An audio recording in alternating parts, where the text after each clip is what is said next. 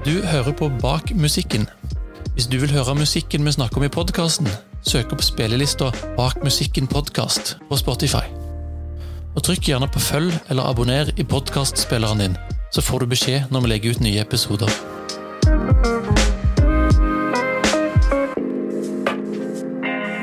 Adam Douglas, Hei, velkommen. Så hyggelig. Takk for det. Jeg holdt på å si all the way from the USA. Det er nesten riktig.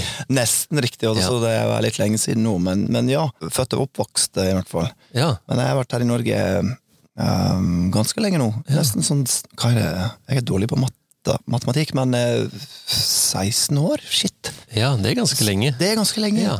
2007 var den aller første gang jeg kom. Så nå er det her jeg har lyst til å være, liksom. Vi, Nå er du stuck. nå er jeg stuck. Ja. Nå er vi bestemte oss for for å være her, absolutt. Så vi vurderte det et par ganger, og skal vi tilbake dit og datt, og det kan vi, men jeg har ikke lyst, Nei, rett og slett. Altså, jeg trives så godt i Norge. en deilig. Kanskje, kanskje vi begynner litt sånn borti Oklahoma. Ja, Åssen var det å vokse opp i Oklahoma? ja, du um, åh, Hva skal jeg si der? Det var um, veldig sånn uh, På en måte bobleaktig. Bobleaktig.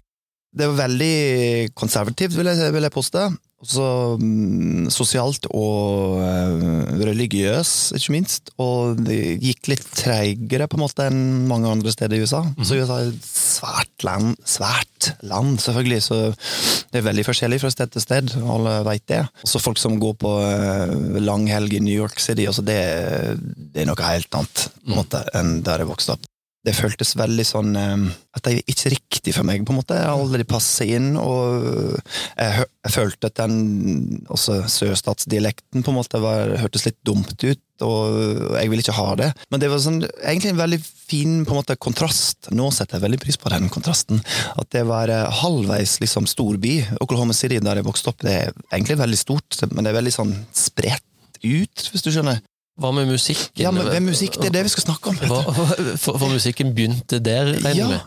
jeg begynte på en måte med uhell for å synge, med å synge da jeg var liksom åtte år, gam, åtte år gammel. Jeg fikk sånn uh, hovedrolle i skolens musikal med uhell, uten å vite om det. på en måte. Plutselig var det bare et eller annet jeg, eh, jeg kunne, på en måte. Altså, altså, det var veldig digg. Det har alltid vært sånn, siden da, en sånn trygghet for meg. Altså at jeg, jeg var han fyren som kunne synge litt med en stor stemme. Altså veldig lite sånn selvtillit ellers, og rar sosialt, og ja, aldri passe inn. Men jeg kunne synge. Jeg var han fyren. Men jeg begynte å spille i band i eh, high school, liksom, så videregående. Ja. Uh, 15-16. Jeg traff en, en fyr som på biblioteket han, han prøvde å finne det samme boken som meg, som om, handler om Jimmy Hendrix eller whatever. Han, han var liksom Oi, liker du han? Liker du det? Så, fordi han bare visste at jeg var sånn eh, choirboy, sant? med en eh, sånn sopran, nesten stemme fortsatt. Så, og han spilte i bandet, han spilte litt sånn Southern rock-ting, Allman Brothers og Hendrix og bla, bla, alt det der, classic rock-ting, og litt blues. Han begynte å tenke liksom høyt, og så kan ikke du være med oss og, og så kom og prøve å synge litt i band, hadde det vært kult. Sånn, Shit, ja, absolutt! Jeg husker veldig godt den første øvelsen vi hadde. Vi, han choirboy, altså meg, skulle synge Paranoid av Black Sabbath. Og med den korstemma jeg hadde, så det åh, Han minner meg på det fortsatt, han, han kompisen min. Men det var, det var litt av en opplevelse. Men det Gud, så kick! Også det, det var kjempedigg å spille med, altså, spille med band. Uh, det var stort, og da, det var da det begynte, på en måte. Og um, jeg hadde veldig lyst til å synge den type musikken, litt mer rytmiske ting, og rocketing, og litt sånn tøffere, men jeg hadde sånn veldig rein, fin stemme, så jeg, eh, jeg prøver å kvitte meg med den fortsatt, egentlig, sånn eh, 30 år senere. Du er jo litt sånn raspestemme, så du har jo Ja. du har, det, er- det er ikke noe korstemme hos deg nå? Nei, det, kanskje ikke det. Og som sagt, jeg har jobbet lenge med å få den vekk. Så jeg, nå kan jeg kontrollere det litt. Jeg kan litt, gå litt fram og tilbake. Hvis vi vil ha en ordentlig rein tone, da kan jeg gjøre det. Men jeg vil helst at det blir litt sånn litt raspete, eller hva heter det på norsk? Skal Du sa det. Ja, raspete, det er fint det. Ja, takk. Ja. Jeg syns det er fint. Litt mer sånn character i det. Du har jo en fin særegenhet i, i stemma di. Å ja. Hvor, hvor, var- ja, du, du, du tenkte ikke på sånn, sånn på det sjøl? Nei, altså, nei. Det, takk, det, jeg tar det som kompliment. kompliment. Det var fint sagt. Det var et kompliment. Hva slags bevi Har du noe bevisst forhold til, til stemmen som instrument? Nei, altså Det som er digg med stemmen, og som alle veit egentlig, men det er ikke alle som sier det høyt, at det, det blir ikke mer personlig enn det. Og det var veldig fint sagt at du sa at det er instrument, for det, det, er det det egentlig er. Sant? Eh, hvis man går på jazzlinje, da hører man fort kanskje et eh, ja, spiller du instrument, og er du, er du musiker, ja, da spiller du et instrument. Mm. Men det å være sanger, det kan og det burde være et instrument, på en måte. Det er det. Og det er den mest personlige, fordi det kommer an på dagsform, uh, først og fremst. Og også det er um, Du må lage den lyden med kroppen din. Også det må du med mange instrumenter, men uh, det er veldig unikt, selvfølgelig, med, med det med stemme. Og så gikk turen fra Oklahoma over til Norge. Mm. Hva, hva, skjedde?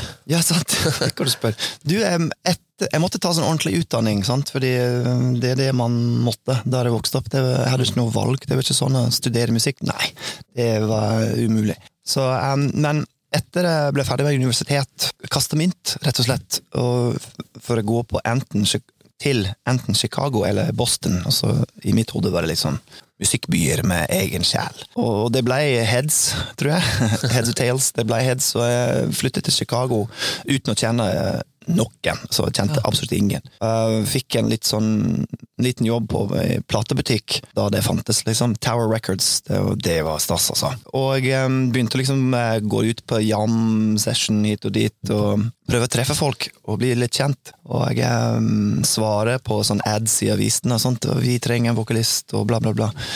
Uh, egentlig svarte på bare én, men jeg fikk den jobben. så, 100 uttelling. Yes! Woo! Og det var et band fra Wisconsin, som T-mans, nesten sånn Tower Power wannabe-aktig. Mm -hmm. Da var det plutselig frontman i en sånn type band, og da var det rett ut på veien og bla, bla, bla.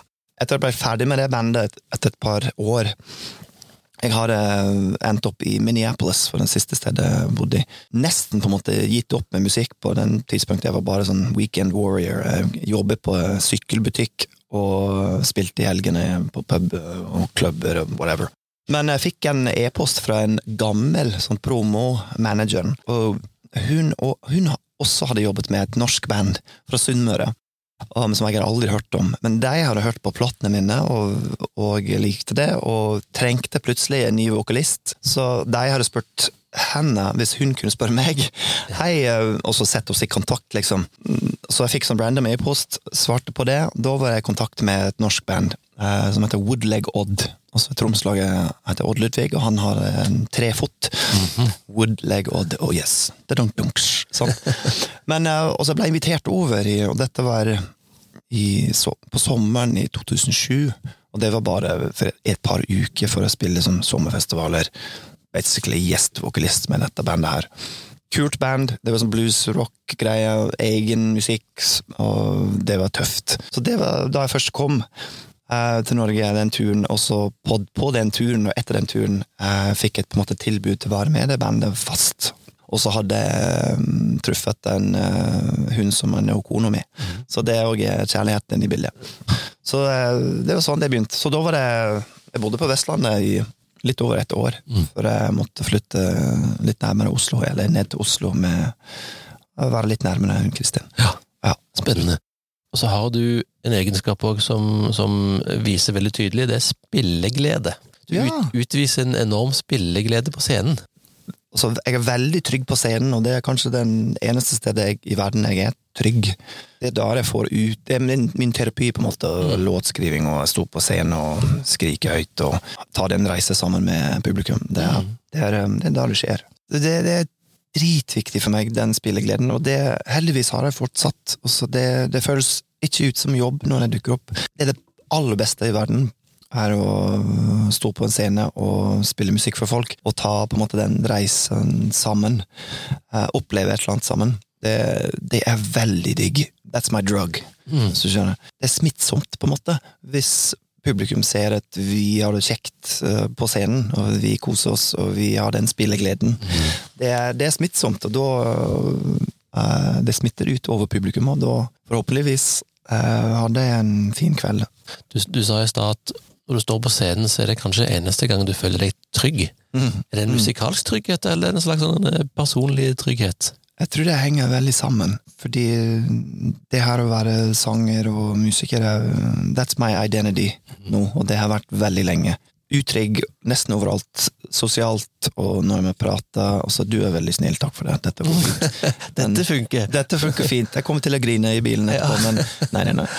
Um, og jeg kan på en måte skru på den knappen og være han fyren, liksom. En sosial fyr, og det krever sitt. Det definitivt. Jeg kjenner veldig godt til mine egne grenser, og hvor det ligger. Så jeg kan nesten alltid finne min plass. Veldig, veldig ofte vil jeg poste. Jeg føler meg ganske trygg, og jeg veit hva jeg kan eh, bringe.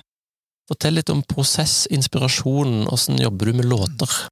Jeg har som målet mitt er å skrive ferdig en låt hver uke, hvis mulig. Hvis jeg er på turné eller noe, kan det hende at det ikke går, men jeg prøver. Nesten alltid har jeg en gitar eh, i fanget, og jeg alltid tar opp på telefonen liksom, forskjellige temaer hvis jeg kommer på ting, og så henter jeg en seinere. Så da kan det hende at jeg, for eksempel hvis det er mandag morgen og guttene mm, ja, gått til skolen, da finner jeg fram den mobilen og finner fram en, eh, en av de, for eksempel gitarakkordtemer eller en drift, og så ok, nå skal jeg begynne med dette her, jeg skal skrive et eller annet til dette. Og da bare setter jeg i gang hjemme alene, og jeg er begynt å bli um, holdt på å si flink til å lage sånn ganske detaljerte demoer hjemme.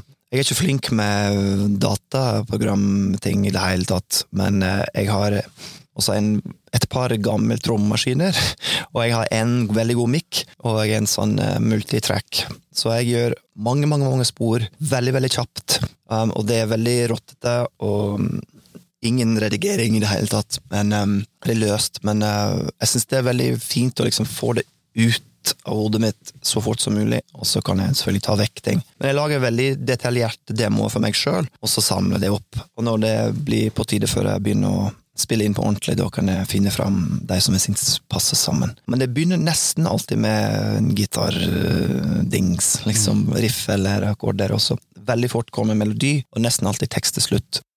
Folk hører jo på musikk enten med å være mest opptatt av tekst eller musikken. Det er litt sånn skille Ja. der. Har du noe sånn Det sant, det. vekting av hva som er viktigst for deg, eller er det totalbildet som, Ja, som teller? Det var et veldig um, godt poeng, og det, det er sant, det. For veldig lenge for meg var det melodi og performance og sånn som viktigste, men nå i det siste har jeg vært veldig veldig opptatt med teksten. Men jeg tror det er veldig vanlig at um, teksten er på en måte det siste folk absor absorberer. Men nå er jeg veldig opptatt med, med alt, og jeg er opptatt med at jeg tror på den eh, personen som leverer den teksten. Og så alt må matche, liksom. Samtidig er det, jeg liker det veldig godt når det er sånn sterke kontrast. Hvis det er på en måte en vakker tekst med en veldig sånn rough og stygg uh, musikalsk production eller lydbilde. Jeg synes Ja. det er veldig tøft. Så Tom Waits, for eksempel. Han kan eh, levere den fineste teksten i verden, og så spiller de inn i en ustemt upright i en, in a barn, eller sånt, hvis du skjønner. Så det, man hører killinger og kuer i bakgrunnen, og så er der han spiller den vakreste um, teksten ever, med stemmen hans som er litt sånn øh, sant? Det blir sjel, sjel av det, da. Det er soul, på en måte. Ja, absolutt blir det det. det. Var fint du sa, jeg er helt enig. Så sånne ting er det, vil jeg gjerne høre på. Jeg er Ja. mer opptatt med det. Ikke de som kan treffe alle toner i boka. Og Nei. det som fanger meg, er den sjelen, som du Mm. sa. Plat, eller diskografien din Mm. spenner jo fra 2015 og til, til nå. Ja, som soloartist. Så det er en sånn slags sånn naturlig reise, for i, iallfall den første, kanskje de to første platene dine, Mm. var litt mer eh, skitne eller b- blusa, rocka, Ja. soulish-aktige. Ja, det kan hende, og, det, og det, sånne ting ligger inne der fortsatt. Og jeg har lyst til å lage ditt og datt, men eh, jeg har fått litt, litt mer eh, kontroll over det, og litt mer um, peiling av også hva slags type blanding eh, jeg vil ha, og jeg egentlig er, hvis du skjønner. Så nå er jeg ganske trygg på det. Eh, Har du landa på en måte et sted? Um, på, mange, ja, på mange steder, på en måte. Um, personlig og musikalsk. Jeg tror det. Men altså, det er fortsatt mye jeg vil forske på og prøve. Men uh, også, jeg har veldig lyst til å lage en sånn ordentlig gammeldags soul-plate og en ordentlig country-plate og det der, men forhåpentligvis har jeg litt tid til det. Jeg følte egentlig at jeg har alltid vært 42 år gammel, og nå er jeg faktisk 42 år gammel, så liksom endelig tenker på Nå fant du deg sjøl. nå fant jeg meg sjøl, og så, ja, for å bruke det uttrykket, det er liksom endelig Å, kroppen matcher hjertet og det der, så det Mm, Årets plate, da, 2023. Ja. 'Dancing for the Moon'. Ja. Du sa i stad at den er ny, men han er jo ikke ny for deg. Nei, sant. Si litt om, om det. Ja, og veldig skummelt og kjekt å slippe musikk. Men litt rart å gjøre det altså, ett og et halvt år etter den eh, du er ferdig med den, liksom, sjøl. Altså, kjenner meg veldig igjen i han fyren som skrev eh, disse låtene, og så spilte inn disse låtene. Veldig, veldig digg og veldig skummelt å dele nye ting.